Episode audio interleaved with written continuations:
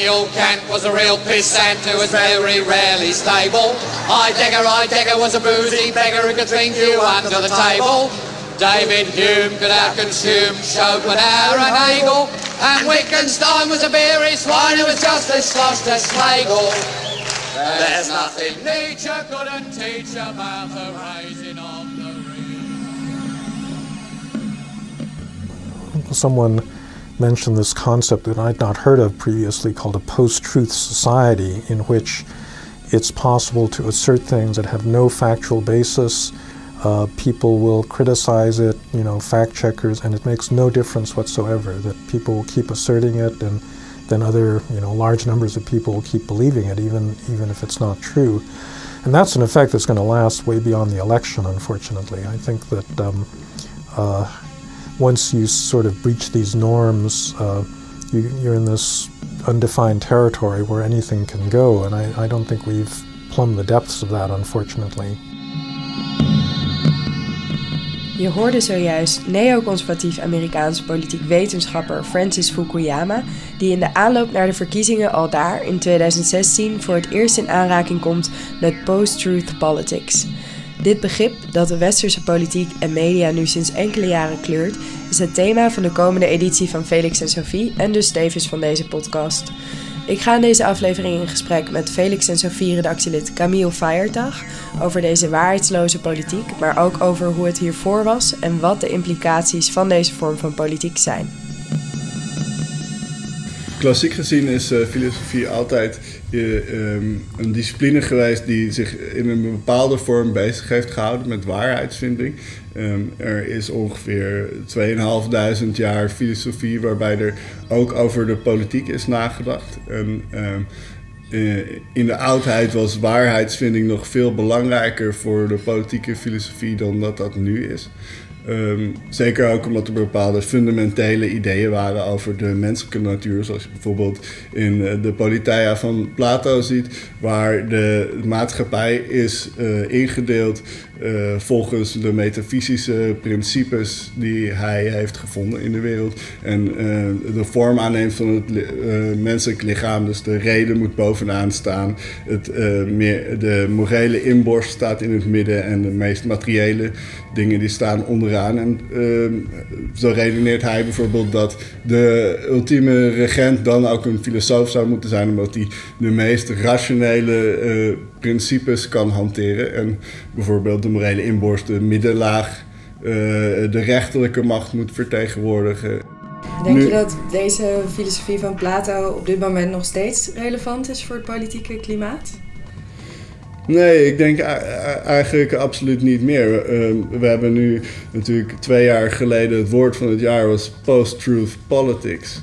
Met het idee dat Ehm, eigenlijk politici vooral de emoties van hun electoraat mogen gebruiken als rechtvaardiging van hun beleid. En dus dat hele idee dat eh, de waarheid iets is dat de politiek uh, zou mogen sturen of een vorm of richting uh, mag geven, is een beetje verdwenen uit ons idee van wat politiek zou moeten zijn, denk ik wel. dat, dat is, vind ik zelf wel een interessante ontwikkeling. Want uiteindelijk ehm, heb ik de intuïtie dat een goed functionerende democratie bijvoorbeeld uh, bestaat uit uh, een goed geïnformeerd volk dat op de hoogte is van de feiten die er zijn en op basis daarvan politieke keuzes maakt en dat de overheid op basis daarvan regeert. En waardoor komt het, denk je, dat die uh, waarheid en die feitelijkheid los is gelaten? Is dat nog ergens in gestoeld? Ja, dat is een hele lange maatschappelijke ontwikkeling. Want dit is natuurlijk een idee dat meer dan 2000 jaar oud is. Uh, natuurlijk uh, denken wij nu anders, omdat er zoveel tijd overheen is gegaan. Maar ja, vrij recentelijk in de geschiedenis van de filosofie is het postmodernisme opgekomen, waarbij er niet meer, waarbij er niet meer geargumenteerd wordt dat de ontwikkeling van een maatschappij een bepaalde doelmatigheid heeft of een bepaald eindpunt dat, dat uh, te vinden is door uh, filosofisch over na te denken. Maar dat waarheid iets is dat bijvoorbeeld uh, zijn gronden heeft in een tijdsgeest of een, sociaal construct is. Ehm, waardoor mensen misschien in toenemende mate sceptisch zijn geworden over het idee dat de bepaalde vooruitgang te maken heeft met een bepaald uh, een natuurlijk idee over hoe de wereld in elkaar zit. Op opkomst van het modernisme heeft bijgedragen aan een relativistisch klimaat de opkomst van het postmodernisme. Ja, oh ja, sorry, postmodernisme. Ja, precies, dat is exact wat ik bedoelde. Dus die, die, de ontwikkeling in de filosofie heeft volgens sommige denkers ertoe geleid dat we nu dus eigenlijk niet meer eisen van onze politici dat ze ware uitspraken doen. Maar uh, dat we ze alleen zien als een bepaalde stem van, uh, of een bepaalde emotie die onder een bepaalde groep mensen leeft. En dat die uitspraken daardoor legitiem zijn. Maar dat levert wel, denk ik, een nieuw probleem op. Namelijk dat het moeilijk wordt om aan uh, deze politie te vragen om verantwoording voor hun beleid af te leggen. Als zij alleen maar een bepaalde stem zijn. Um, denk bijvoorbeeld aan uh, klimaatskeptici. We hebben heel veel wetenschappelijk onderzoek dat bewijst dat de mens enorme impact heeft gemaakt op de aarde, uh, op het klimaat op de aarde. Ehm, maar toch zijn er mensen die zeggen, nou, het valt allemaal wel mee. Ehm, we hoeven deze feiten niet serieus te nemen. I think it's a disgrace that information that was false and fake and never happened got released to the public. Your organization's terrible. Your organization's terrible. Let's go. Go ahead. Quiet, quiet. Go ahead. She's she's asking a question. Don't be rude. Don't be rude. No, I'm not going to give you a question. I'm not going to give you a question. You are fake news. Is de, is de waarheid nog wel te achterhalen? Is denk ik een belangrijke vraag. De manier waarop de waarheid achterhaald is, was altijd op basis van onderzoek, wetenschappelijk mhm. onderzoek. Ehm, dingen die in de kranten stond, stonden, werden voor waar aangenomen. Maar op het, in een tijd van internet, waarin zoveel feiten ook de ronde doen, hoe kun je de waarheid überhaupt nog vinden? Uh, ja, daarvoor moet je natuurlijk veronderstellen dat er één waarheid sta, bestaat die eenduidig is. Uh, ik, ik, denk dat vrijwel niemand meer dat, dat standpunt inneemt. Maar ik zou toch willen zeggen dat als politici bijvoorbeeld uitspraken doen over klimaatonderzoek, dat zij dan uh, dat onderzoek op een bepaalde manier interpreteren. Dat zij daar een bepaalde legitimiteit aan toekennen. Er zit eigenlijk boven de misschien wel feitelijke uh, bevindingen die de wetenschap doet.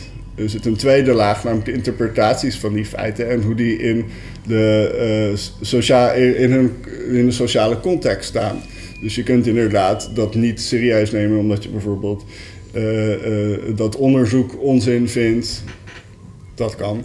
Daar is de, en ik denk wel dat die pure um, empirisch verklaarbare wetenschappelijke bevindingen, dat we die wel serieus moeten nemen. En ik denk ook dat als wij bij de kern van bepaalde sociale contexten willen komen, dat we die ook moeten beschrijven. Dus enerzijds zou ik willen zeggen, luister goed naar de empirische wetenschap, maar wees er ook bewust van in wat voor context die geïnterpreteerd worden en op wat voor manier dat de gebeurt. De politiek is op het moment natuurlijk ook heel erg gedemocratiseerd. In de zin van mhm. kennis is misschien wel gedemocratiseerd. Iedereen heeft toegang tot kennis.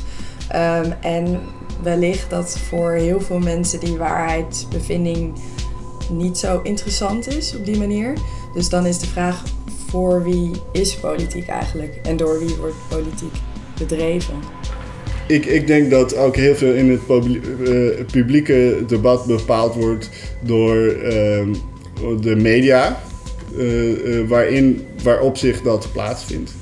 Dus als je bijvoorbeeld kijkt naar de manier waarop Facebook omgaat met je aandachtspannen en juist je probeert te pushen om gewoon heel veel dingen te klikken en, en eigenlijk heel korte links en verwijzingen maakt, um, vereist dat eigenlijk andere cognitieve functies dan wanneer je bijvoorbeeld kritisch gaat nadenken of een wetenschappelijke insteek in een bepaald onderwerp ehm, hebt.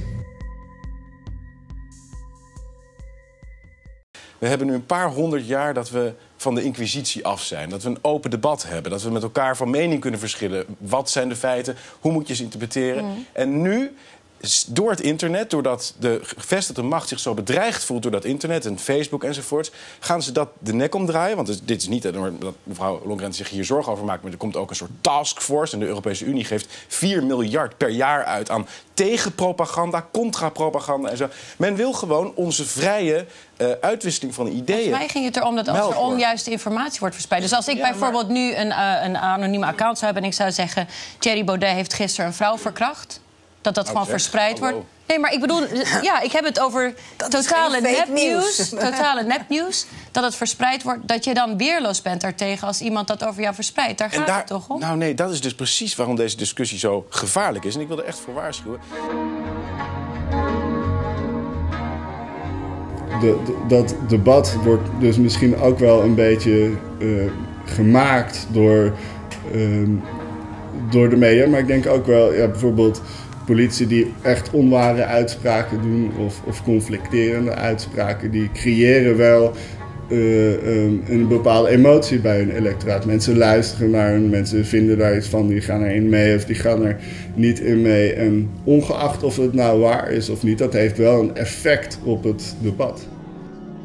Hoe is er binnen de filosofie hierover gedacht? Over uh, door wie en voor wie politiek bedreven wordt? We hadden het net van tevoren kort over Machiavelli.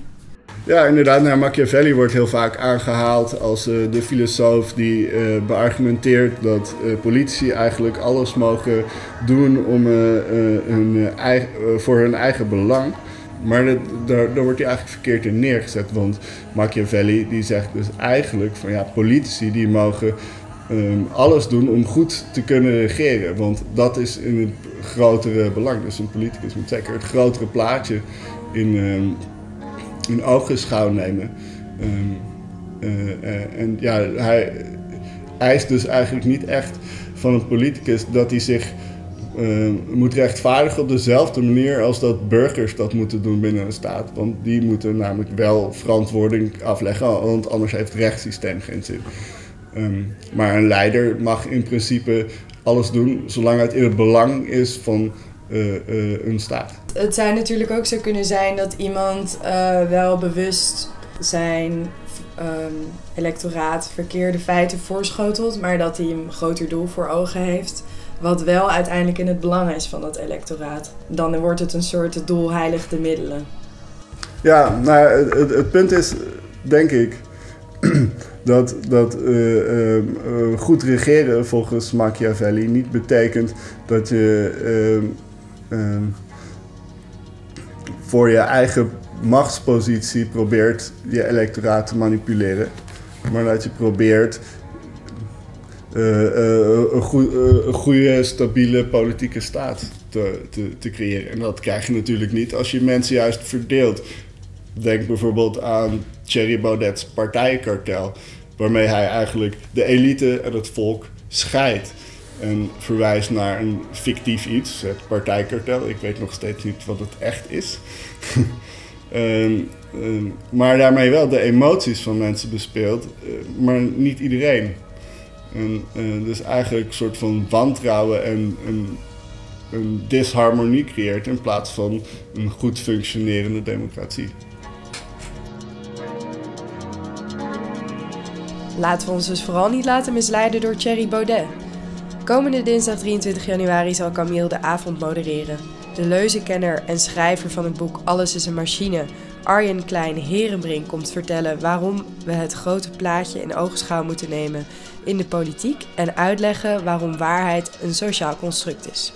Professor Theoretische Filosofie aan de Universiteit in Groningen, Lea Henderson, zal ingaan op de vraag hoe we met waarheid en betrouwbaarheid moeten omgaan. Tot dan!